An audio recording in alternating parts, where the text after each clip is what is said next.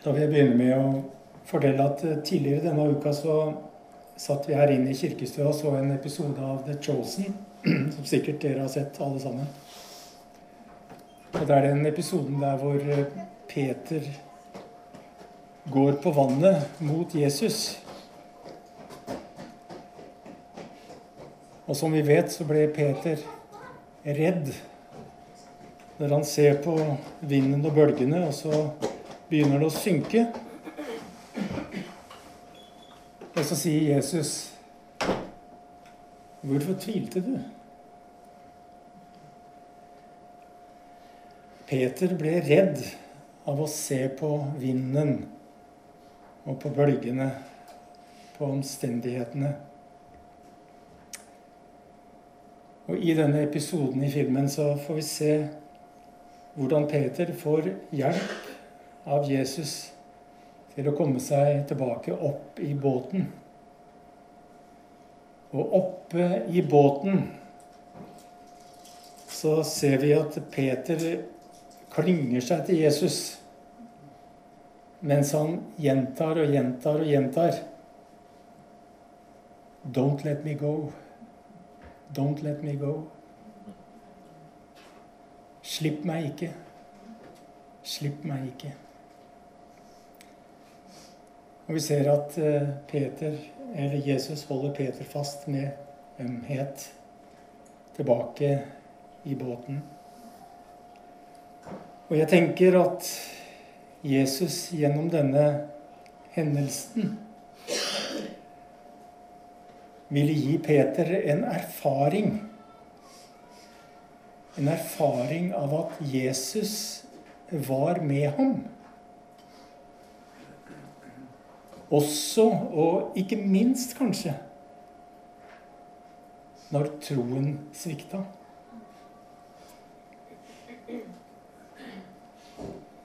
Kan vi ta til oss det? At Jesus er med oss, ikke minst når troen svikter. Peters tvil og hans senere fornektelse, som vi kjenner til, det diskvalifiserte ham ikke til å bli den klippe som Jesus kunne bygge på. Og nå er det vel sånn at hvis Gud bare kunne bruke mennesker som ikke tvilte, Da er jeg redd for at Bibelen ville være veldig tynn. Og kirkehistorien ville være bare tomme ark.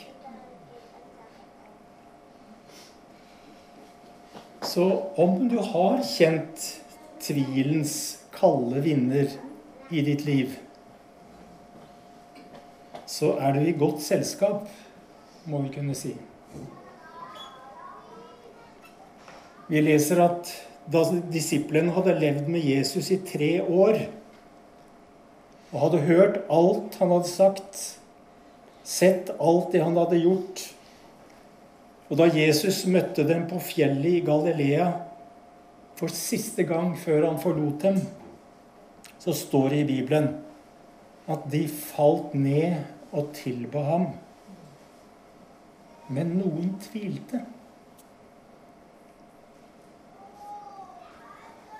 Og når døperen Johannes sender sine disipler til Jesus med spørsmålet Er du den som skal komme? Da fornemmer vi noe av smerten i den tvilen som ligger bak de her orda. Det var jo Johannes som hadde sagt Midt iblant dere står en dere ikke kjenner. Menneskenes kamp og tvil blir ikke gjemt bort i Bibelen. Livet til disippelen Thomas raste sammen da Jesus ble hengt på et kors. Og Thomas lot seg ikke trøste med ord.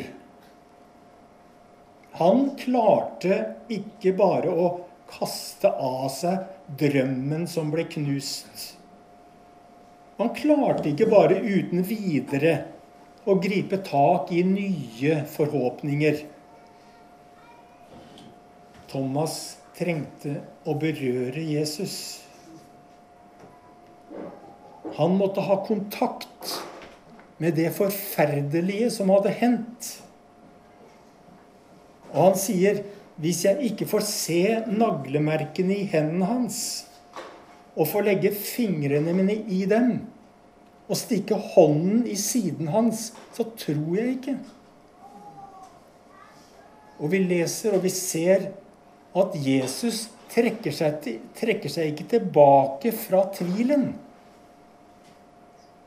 Han lar seg berøre. Han lar seg berøre ikke bare av de nølende hendene til Thomas, men han lar seg berøre både av hans og vår sorg. Han lar seg berøre av både hans og vår skuffelse og vår fortvilelse. Han lar seg bevege av bedrøvelse og mørke. Og av vantro, mismot og resignasjon. Det er sagt at den troende har alltid tvilen som en skygge. Mens den som ikke tror, har troen som sin skygge. Og Jesu kjærlighet rommer dem begge. Jeg vil si at det sitter så dypt i oss at vi vil forsøke å gjøre oss fortjent til Guds kjærlighet. Og det sitter dypere enn vi er klar over.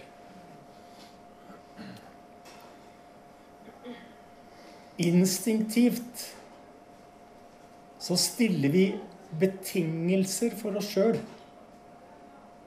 for å bli elska av Gud. Og vi lever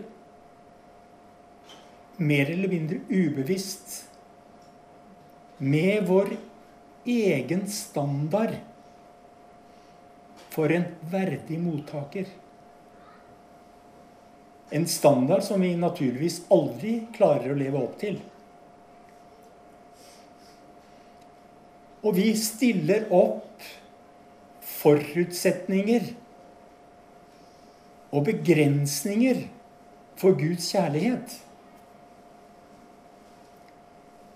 Men gjennom det så fordreier vi gudsbildet. fra Han som har medlidenhet med vår svakhet, som Hebreerbrevet sier, til en moralvokter som aldri blir fornøyd med oss. Vi fordreier gudsbildet. Og vi stiller krav til oss selv om en slags fullkommenhet som Gud ikke stiller seg bak. Ubevisst så stabler vi opp i vårt eget sinn alle våre gode egenskaper som en slags brensel for å bli elsket av Gud. vår trofasthet, vår offervilje,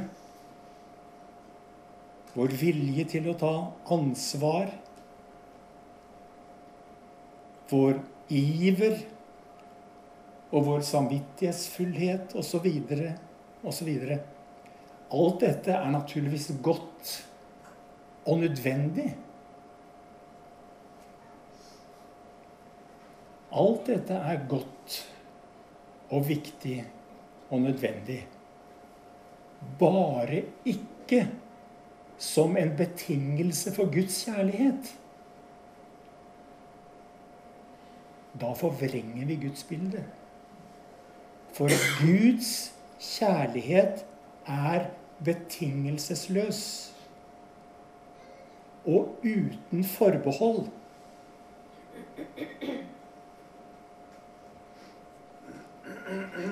Og Gud lar seg ikke bevege eller rokke verken av tvil, nederlag eller gode gjerninger.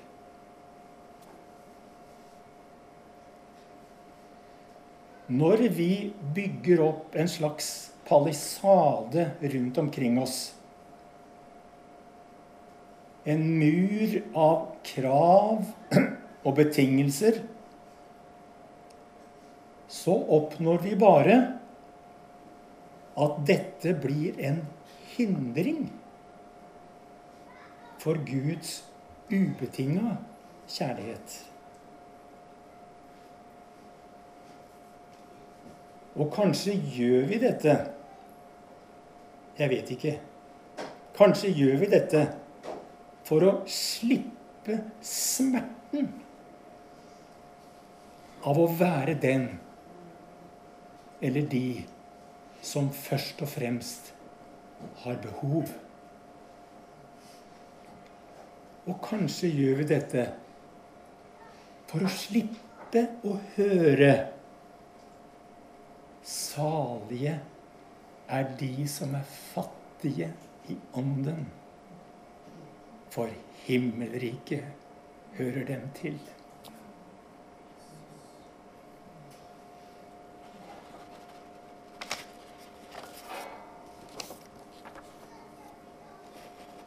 I Dostojevskijs berømte moral, eh, roman 'Brødrene Karamazov'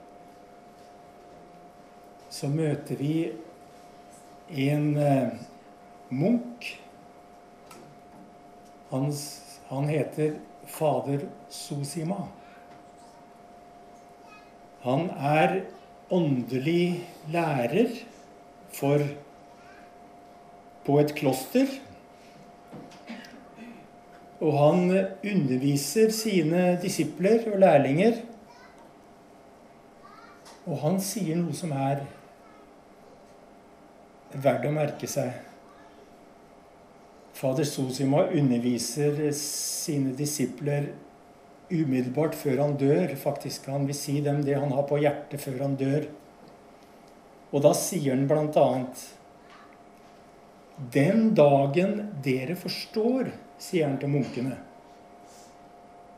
Den dagen dere forstår at tross alle deres gode gjerninger og anstrengelser. Ikke gjennom dem har kommet nærmere målet, men faktisk fjernet dere fra det. Den dagen er dere ved målet. Og først da kan dere erfare hva det vil si at Gud alltid har elsket dere. Det han mener, er ikke, at, er ikke at det er noe galt i å gjøre gode gjerninger, selvfølgelig. Poenget er at vi tar feil hvis vi tror at det er vår fromhet eller dyktighet eller gode gjerninger som gjør at Gud elsker oss.